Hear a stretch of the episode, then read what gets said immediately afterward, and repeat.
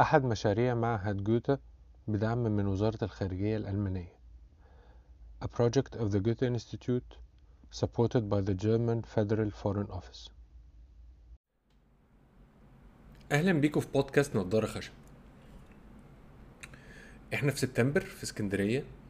الجو آه، لسه حر شوية وفي رطوبة مم، بس يعني داخلين على الخريف.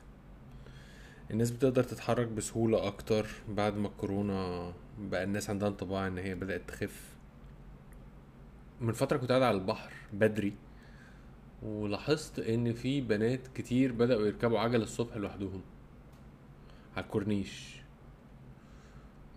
سواء رياضيين أو غير رياضيين ناس بشكل عام بتركب عجل لكن كمان بنات لوحدهم راكبين عجل بيروحوا شكلهم رايحين مشوار أو بس بيتمشوا بالعجلة. ودي حاجة فرحتني يعني نسبيا مش بنلاقي ده بيحصل كتير في مصر وكمان بالذات بره القاهرة. وكان عندي انطباع إن هما ماشيين بالعجلة كل واحدة فيهم ومش خايفين.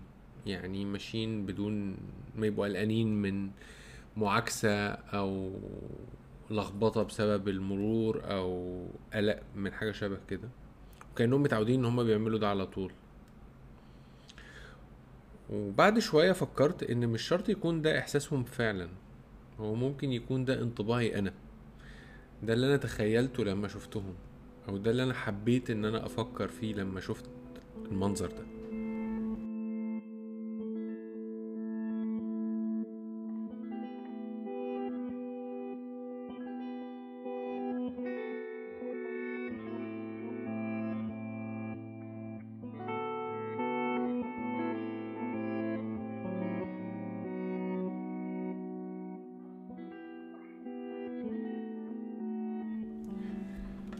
الفيلم اللي هنتكلم عنه النهاردة هو فيلم عطيات الأبنودي أغنية توحة الحزينة.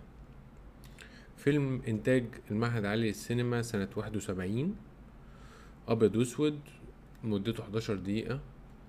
وهو واحد من أهم الأفلام اللي مهدت لفهم عطيات الأبنودي بعد كده كواحدة من أهم صناع السينما التسجيلية في مصر في الفترة دي.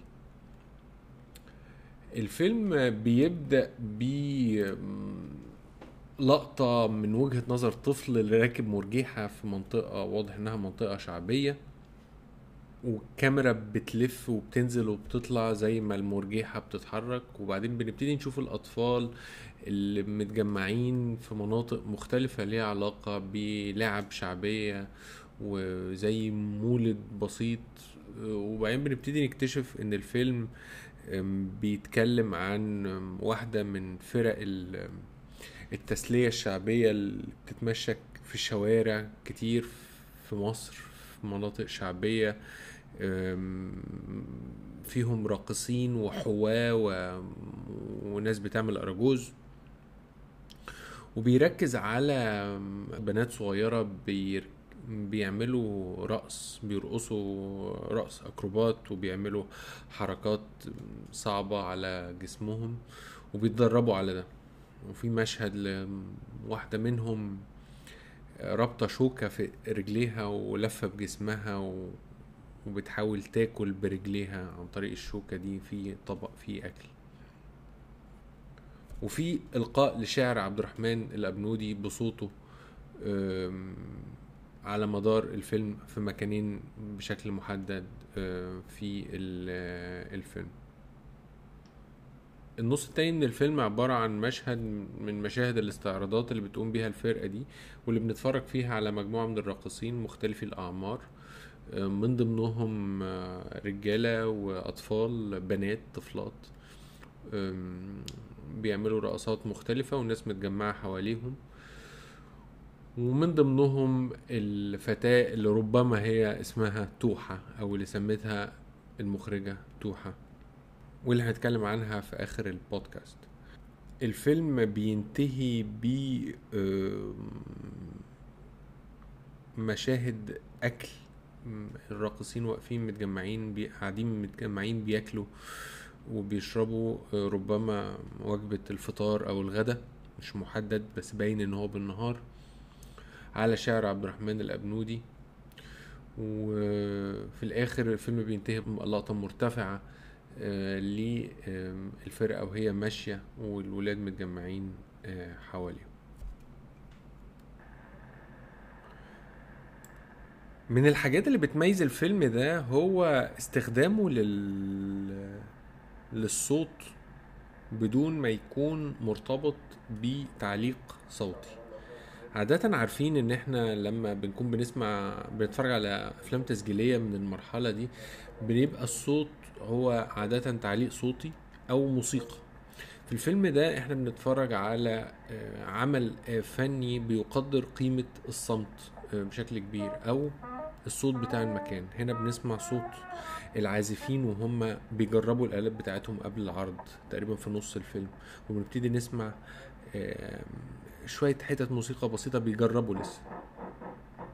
هنا في الطبلة. وفي مش يعني مفيش موسيقى مفيش لحن بس لسه بن بنعيش مع الشخصيات وصوت والصوت اللي هي بتنتجه أو بينتج حواليها. ودي نقطة أعتقد إنها مفارقة جدا لل... لل... للفيلم ده. ومفيش كتير أفلام في المرحلة دي المرحلة التاريخية دي من صناعة الأفلام التسجيلية خاصة في مصر كانت بتستخدم ده.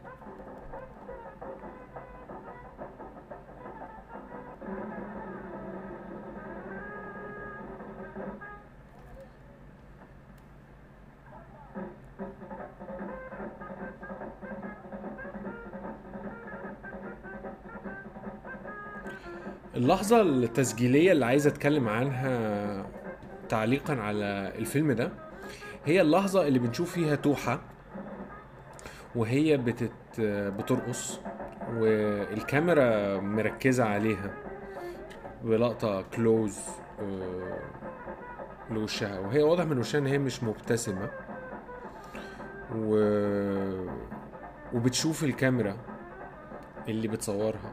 وبعدين في لقطة تانية بتشوف الكاميرا تاني وبتعمل بعينيها وب- وبقها بتتكلم بتقول حاجة إحنا مش سامعينها لأن إحنا سامعين الموسيقى ال- ال- المتلهفة دي. بتقول حاجة وكأنها بتعترض عن إنها بتصور إنها بتتصور إنها بتتشاف. دي بالنسبة لي لحظة صعب إن تتعمل آه، بالدقة دي وبالوضوح ده. صعب إنها تتمسك غير آه، في صناعة فيلم تسجيلي آه، أثناء صناعة فيلم تسجيلي.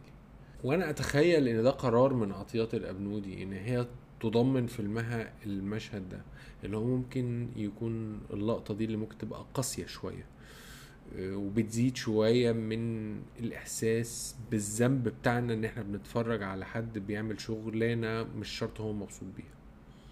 وباين من باقي تفاصيل الفيلم ال- الفقر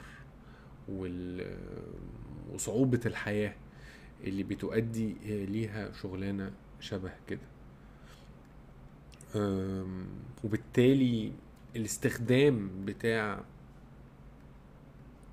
وبالتالي الاستخدام بتاع حاجة شبه كده اللي هي تعتبر شبه غلطة في اثناء عملية التصوير حاجة بره الستيجنج بره الشكل اللي انت رسمه لخطة التصوير بتاعك الاستخدام بتاعه في مصلحة الفيلم اللي انت عاوز تقوله آه، في مصلحة اللي انت عاوز تقوله من خلال الفيلم يمكن تكون دي آم، واحدة من العناصر اللي بتبين قوة عطيات الأبنودي كمخرجة أفلام تسجيلية حتى وهي بتستخدم أبسط الأدوات وهي بتعمل فيلم قصير مدته قصيرة جدا أبيض وأسود بدون حوار.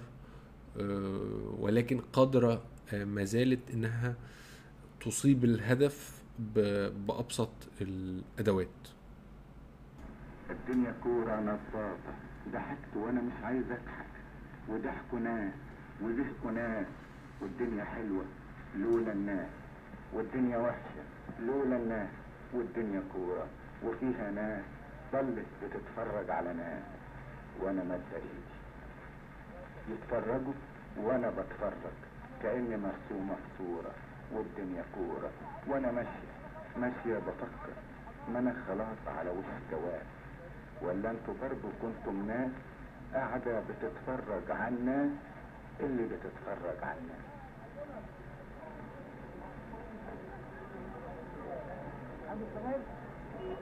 حتى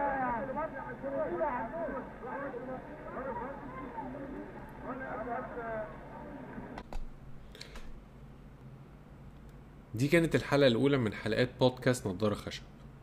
أنا أحمد نبيل. أحب أسمع اقتراحاتكم وآرائكم وأفكاركم حوالين البودكاست من خلال الإيميل اللي هيكون موجود في الوصف بتاع الحلقة دي من حلقات البودكاست. سلام.